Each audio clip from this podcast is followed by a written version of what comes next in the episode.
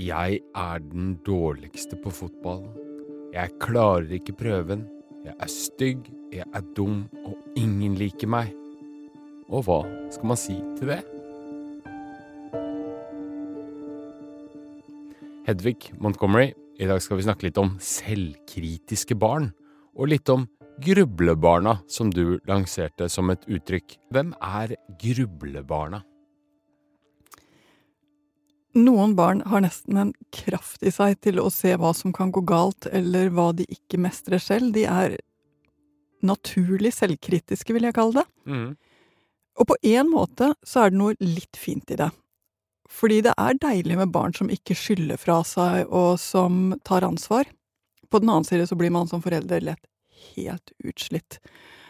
Fordi det å igjen og igjen og igjen skulle overbevise om at jo da, det går fint, jo da, du er bra, jo da, du ser fin ut, blir rett og slett utrolig lite motiverende også for foreldre. Men vi drømmer alle om å ha glade og bekymringsløse barn som hopper rundt i gresset og er lykkelige. Men som du var inne på nå, ikke alle har det samme anlegget. Uh, og det er kanskje lett å glemme. At ikke alle barn er glad, glade hele tiden. Ja, altså det er jo rart, for vi snakker om en lykkelig barndom, og vi liker barn som tar for seg litt av mulighetene, som sier ja, Mm. og lyser opp, og du får de der tindrende barneøynene. Mm. Eh, Det er nesten litt lett å føle på foreldreskam når du har det barnet som eh, slår blikket ned og blir usikker idet en ny dør åpner seg og en ny mulighet er der. Men det finnes altså barn av alle typer, og det å lære seg å leve med seg selv slik man er, er noe av det aller viktigste gjennom en barndom. Og det betyr at noe av det aller viktigste vi gjør som foreldre, er å veilede barn til å leve med seg selv slik de er, ikke slik vi skulle ønske at de var. Men når vi nå lanserte, eller når du nå lanserte dette uttrykket grublebarna, hva er det som kjennetegner grublebarna? Det som kjennetegner dem, er en evne til alltid å tenke en runde ekstra om de egentlig bør, om de egentlig kan, og om de egentlig klarer. Sånn tidlig utvikla konsekvenstenkere, da? Eller? Ja, og med dårlig konsekvensvurdering. Ja. Eh, Så det er jo ofte de tar helt feil. De kan være redd for å ta eh, sklia, de kan være redde for å eh, gå på skolen og treffe vennene sine, som de hadde det fint med i går. For i dag kan det være at ingen liker dem. Så det vil si at du kan si ja, de, de klarer å se konsekvenser, men det er mildest talt ikke spesielt godt vurdert. For det er klart de klarer sklia. Og det er klart vennene syns de er ålreite i dag også, når de var det i går. Så du slåss nesten mot en feilvurdering Mm. nonstop. Sånn at, tenker du, det kan fort bli litt sånn um, et skritt fram, to tilbake-følelse, da, vil jeg tro. Hvis hver nye dag er en ny mulighet til uh, nye katastrofer. Ikke sant? Så katastrofetenkningen er én ting, og det handler både om alder og utvikling, men også om eh, personlighet. Det andre er denne evnen til å finne de svake punktene ved seg selv Mm. i møte med andre. Og så er det veldig lett nå å tenke at dette er det samme som å ha en lav selvfølelse. Og det tror jeg er noe av det som også gjør det litt slitsomt, fordi når er det at barna ikke tror på seg selv fordi de ikke har fått trygghet og muligheten til å gjøre det bra, og når er det de kommer med alle disse ekstra grublerundene fordi de eh, har en hang til å tenke at det går ikke bra til slutt. Mm. Så det å ha et grublebarn kan altså både være en lav selvfølelse, som det faktisk kan være, Mhm. og hvor du da må fylle på med trygghet og muligheter, eller det kan være et barn som lett tar til eh, de tankene som handler om at det ikke kommer til å gå, og hvor du må bygge opp under tenkning som handler om jo, men hva hvis det faktisk gjør det? Mm. Mm. Men jeg vil jo tro at eh, barn også kan være litt sånn periodegrublere. Og en uh, grublete periode er jo for eksempel uh, tenårene, eller preteens-alderen, som vi også har snakka om før. Åh, grubling kommer i så mange bølger. Mm. Eh, og det handler igjen om, om barnas utvikling. Så den første runden av eh, dette her skjer allerede i fireårsalderen, hvor vi, barna får koblet på en ny evne til å, til å tenke at andre ser noe annet enn det de ser selv. Og de får mer komplekse følelser koblet på. Så det vil si at eh, det å bli sjenert kommer veldig ofte i fireårsalderen. Ja. Så der hvor treåringen er kjempemodig, eh, og gjerne går først i 17. mai-toget, så kan fireåringen synes det er vanskelig å gå i 17. mai-tog, Mm. og helst og må ha noen i ved hånden. Så det er liksom den første bølgen. Og så pleier dette å roe seg ned og bli litt tryggere igjen, før det i syv-åtteårsalderen kommer en ny kjempebølge av å se seg selv fra utsiden, sammenligne seg med andre, se alle stedene hvor du ikke er helt like god som vennen eller venninnen din. Mm. Så der kommer en ny stor bølge. Og så kommer neste store bølge når det handler om det sosiale, nemlig når det sosiale endrer seg i tiårsalderen. Er det noen som vil være med en sånn som meg? Mm. Blir et stort spørsmål hos alle barn. Og så, som du er inne på, så handler jo mye av ungdomstiden om å tvile på om det finnes plass for en sånn som meg. Mm. Så alle barn går igjennom disse stadiene her og vil få snev av tvil og selvkritikk Mm. ved disse forskjellige punktene. Men noen barn får det så mye sterkere. Det er akkurat som de ikke har noe sikring når de kommer til disse stedene her. Hvordan finner man ut om man har en sånn? Eh, men det merker man kanskje ganske raskt. Altså, jeg tror det er to ting. Det ene er at det merker du ganske raskt. Mm. Eh, fordi det å hele tiden få disse spørsmålene Kan jeg klare det? Kommer det til å gå bra? Eh, er du sikker på at Alle disse sikringsspørsmålene, det blir du etter hvert eh, Skjønner du at her er det Det er ikke alle barn som stiller det spørsmålet. Det andre er at det er jo en ganske betydelig grad av arvelighet. Så det er ikke så usannsynlig at minst én av foreldrene også kjenner seg litt igjen. Var det bra? Ja, jeg tror jo at det kan være bra, fordi da vet du noen ting om Du kjenner igjen følelsen og kan nikke litt til den, og du vet litt om hva som hjelper og ikke hjelper. Men det er klart, det kan også være veldig negativt, for hvis du selv opplever dette som en dårlig ting ved deg selv, som du har skammet deg over, brukt mye tid på å trykke ned mest mulig, brukt så utrolig mye tid til å våge å presentere for kollegaer, eh, ikke ligge våken hele natten før det skal skje noe på jobben, så kan du både bli for bekymret, kommer barnet mitt til å få det samme, og du kan også bli ganske irritert, for akkurat det der der har du jo ikke lyst til å nikke til Nettopp. hos barnet ditt. Så om, om det er bra eller dårlig, jeg tror du er nødt til å prøve å gjøre det til en bra ting. Prøve å tenke at det er i hvert fall godt at poden vokser opp i et hjem hvor det kan bli nikket til og gjenkjent. Ja, Du var litt inne på det at man kan fort eh, liksom prøve å skyve det under teppet, eller eh, vil ikke ha det, vil ikke ha det-aktig. Og da er løsningen ofte er å si ja, men det går bra. Det går alltid bedre enn man tror. Eller til og med si nei da. Eller altså, jeg er sjenert. Hvis noen skulle finne på å si det, så nei da, du er ikke det. Eh, altså eh, Og da er man vel litt på ville veier. Men det er litt vanskelig å vite liksom hva man skal si, da. Altså For det første så, så blir du også litt utslitt av det. Fordi hvor mange ganger skal du diskutere om det går bra å gå på skolen? Hvor mange ganger skal du diskutere om fotballen kommer til å gå denne gangen, når den gikk bra gangen før der og gangen før der igjen, og kanskje til og med gangen før der igjen Mm. også? Eh, sånn at du, du må stå så mye mer i oppmuntringen. Og det gjør at man ikke alltid har seg på sitt beste, og kan kanskje til og med kline til med at eh, det er det faktisk ingen grunn til. Eh, gå nå. Ja, man kan det. bli ferdig med det. Jeg tror ikke det er så stor krise. Hvis det er den andre måten å håndtere det på, som er den dagligdagse og den vanlige, nemlig åh, jeg vet det er lett å grue seg til det, men du er så godt forberedt som du kan bli, og det gjør ikke noe om det ikke går kjempebra heller.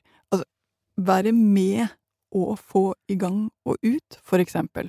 Noen barn syns det er bra, andre barn syns det er bra at, sier, at man sier minst mulig, bare sier åh, jeg vet, det er en kjip følelse, så ikke sier noe mer. Noen barn trenger at man ganske fort går over på hva, hva, hva tror du skal til nå for at det skal kjennes litt bedre ut, altså lete etter det som kan dempe det her og nå. Så barn er litt forskjellige på hva som hjelper dem, og her må du lete deg litt frem. Men jeg vet to ting. Mhm. Og det ene det er at spørsmålet hva er det verste som kan skje, er å sette i gang en ball som bare ruller og ruller og trekker med seg mer og mer Ja, på sin det, ferd. det skal man ikke si, altså. Fordi barns evne til å se for seg katastrofer, og særlig disse barnas evne til å se for seg katastrofer, er helt utrolig stor. Ja. Eh, Så det er sjelden du får en rask løsning ved å stille det spørsmålet. Og det andre tingen som jeg vet man må ha ekstra med seg, det er at alle barn som er trøtte eller slitne eller sultne, er det vanskelig å få til å tenke noe positivt. Voksne også, for den delen. ja, ja. Men barn er enda mer sårbare for det, sånn at du må passe litt på at du ikke driver og diskuterer dette med et trøtt eller sultent eller bare helt utslitt barn, fordi da er det ingen ende på det. Nei. Så det å finne en eh, måte å si ja, jeg vet, men nå er det rett før legging, og ingenting blir bedre av at vi snakker om det akkurat nå, men i morgen skal vi finne tid til det. Nå vet jeg hva som hjelper, og det er å sove og la drømmene få lov til å jobbe med dette her, fordi det gjør de. Det finnes et eget program inni kroppen som heter Drømmer, som er med på å hjelpe til når det kjennes slik ut. Altså rett og slett gi dem noen sånne grunner til å sove, og til ikke å snakke seg enda dårligere eller enda mer inn i katastrofen. Da.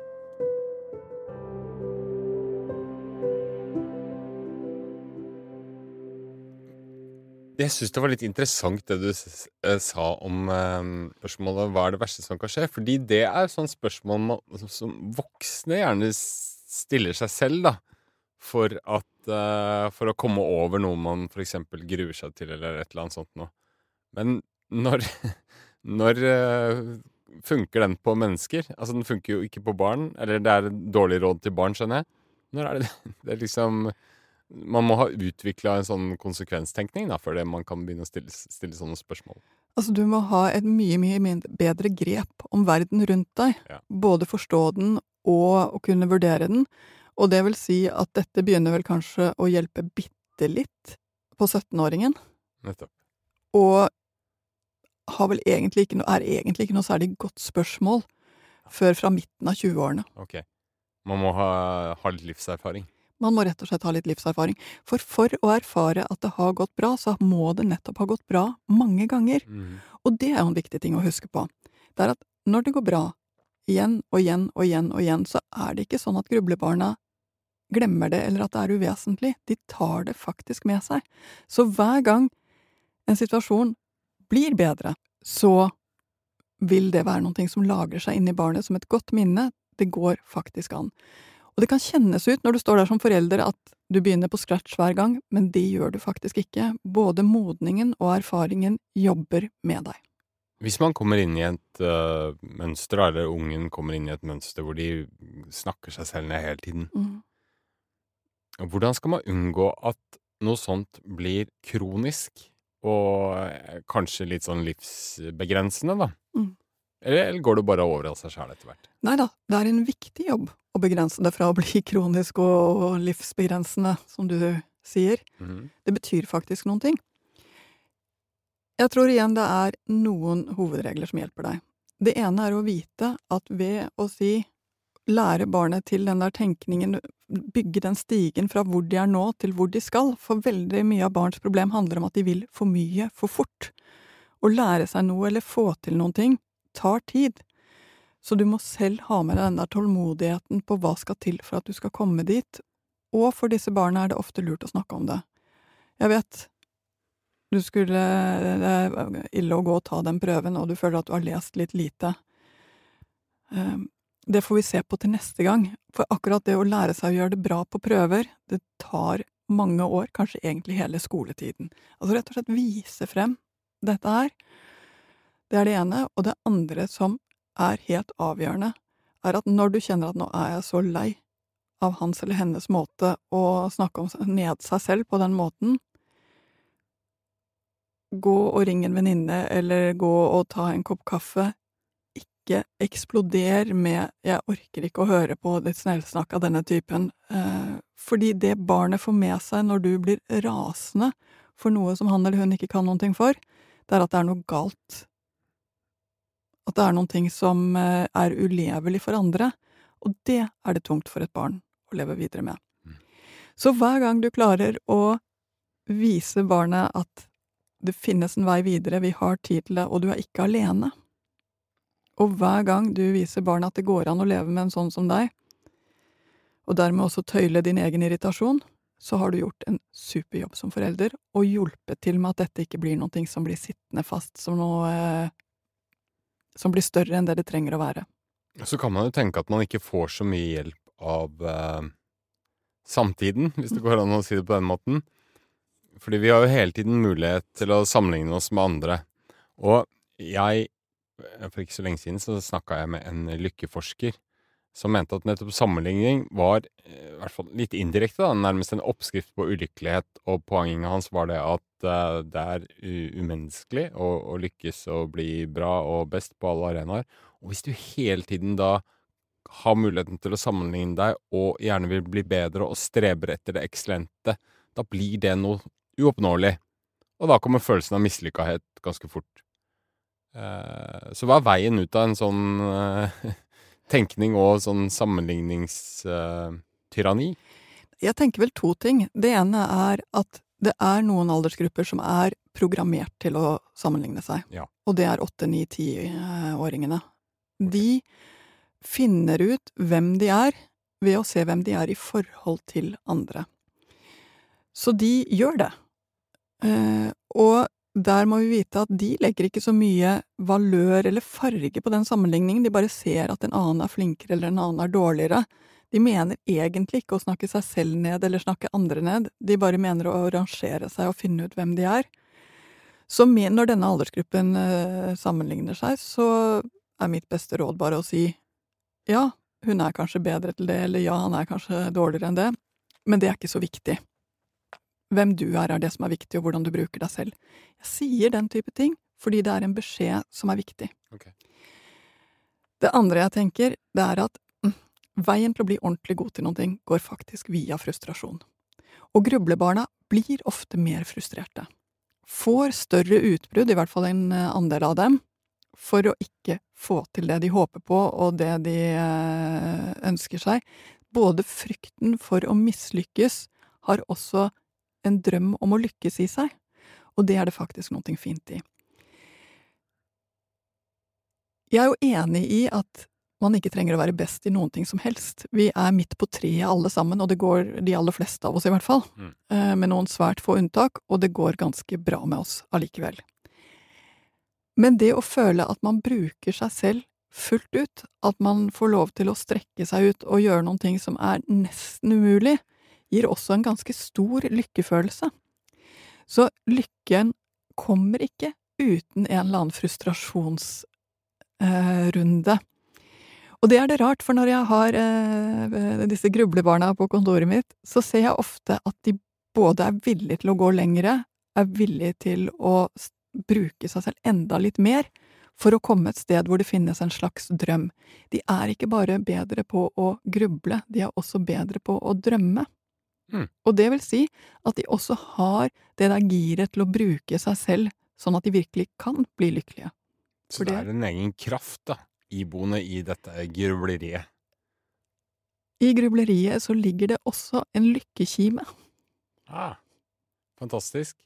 Så helt avslutningsvis der, da, for barna, da, om de er grublere av natur eller ikke, hva er, hva er liksom med på å gi dem og deg selv og resten av gjengen du bor sammen med, hverdagslykke? Altså, hverdagslykke er så mangt og handler om hvem dere er som familie. Jeg ser så mange former for hverdagslykke, fra å sette på en sang som eh, alle liker, til å eh, kose seg med noen ting eh, ekstra godt en lørdagskveld. Det er så mye som er de lykketingene. Men jeg tror at spesielt for disse barna, som har så mye av disse tankene inni seg, så mye de ikke får ut, så er det å finne kanskje det språket som ikke bare er ord, altså bøker som barna kan kjenne seg igjen i, finne musikk som kan ta ut hele dette følelsesspennet de har i seg, finne kunst som de kan kjenne seg igjen i, altså finne det språket som ikke bare er å snakke sammen, kan faktisk gjøre at de både føler seg bedre, som en mer en del av det å være menneske med dette, og en måte å uttrykke det på som ikke sliter ut mamma og pappa. Da håper jeg at du har en fin og i hvert fall medium lykkelig uke. Ha det bra.